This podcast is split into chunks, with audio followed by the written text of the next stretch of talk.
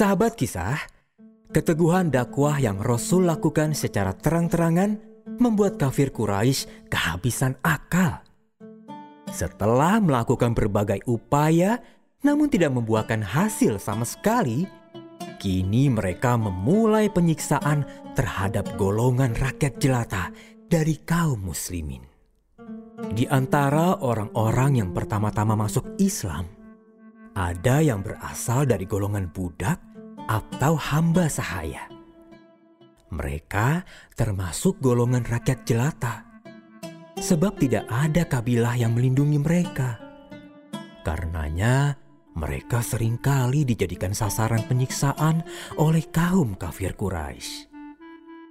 Penyiksaan ini sengaja dipertontonkan kepada semua orang agar tidak ada lagi yang berani memeluk agama Islam.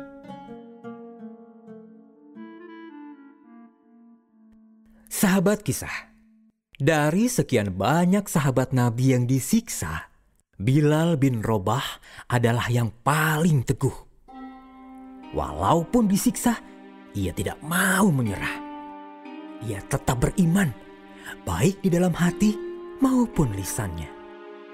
Sementara itu, ada sahabat-sahabat yang lain yang dengan terpaksa harus menyerah karena tidak kuat menanggung siksaan.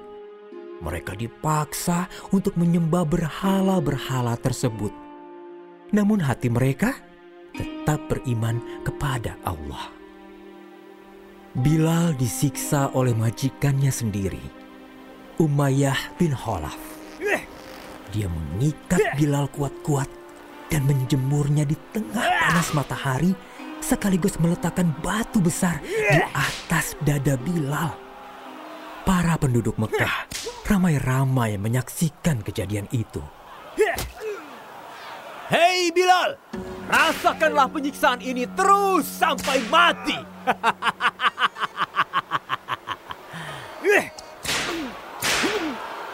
Aku akan berhenti menyiksamu kalau kamu meninggalkan agama Muhammad dan kembali menyembah Lata dan Uza.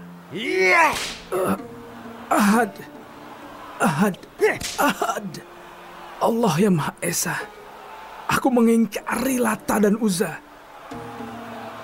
Oh, kalau begitu, Rasakan lagi penyiksaan ini, budak durhaka! Ahad, Ahad. Cepat, tinggalkan agama Muhammad! Mendengar jawaban Bilal bin Robah, Umayyah bin Khalaf semakin jengkel dan marah. Bilal pun diarak, diikat lehernya, dan ditarik oleh anak-anak kecil mengelilingi perbukitan kota Mekah. Hei Bilal, mau sampai kapan engkau bertahan dengan agama Muhammad? Ahad, Ahad, aku beriman kepada Allah dan Rasulullah. Ketika Bilal bin Robah hampir saja tewas karena disiksa oleh tuannya, datanglah Abu Bakar As-Siddiq dengan tergesa-gesa. Hei Umayyah, apa yang kamu lakukan ini? Apa kamu tidak punya peri kemanusiaan? Apa kamu tidak punya rasa kasihan? Dia itu budakku. Aku bebas melakukan apa pun kepadanya. Walaupun dia itu budakmu, dia tetaplah seorang manusia. Kamu tidak pantas menyiksanya seperti itu. Dia telah menjadi pengikut agama Muhammad. Dia pantas disiksa. Aku seorang muslim dan aku pengikut agama Rasulullah Muhammad. Kamu berani padaku? Lantas apa maumu? Pergilah kau Abu Bakar. Biarkan aku berbuat apa yang aku mau terhadap budakku. Aku akan membeli kebebasan Bilal bin Robah. Katakan berapa harganya? Hmm, baiklah. Kalau memang kau mau membelinya. Lagi pula dia sudah tidak ada gunanya lagi bagiku. Aku menghargainya lima ukiah. Aku akan membayarmu lima ukiah. Ini uangnya. Kalau begitu, sekarang budak hina itu menjadi milikmu. ah, padahal sebenarnya kalau tadi engkau menawar dia satu ukiah saja, akan aku jual dia kepadamu. Aku tidak butuh tawar-menawar denganmu Umayyah. Kalau kau menghargai dia seratus ukiah pun, pasti akan kubayar. Ah, Bilal, ayo ikut denganku.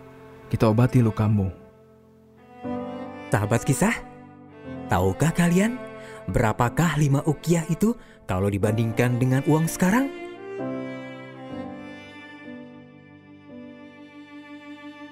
Assalamualaikum sahabat kisah.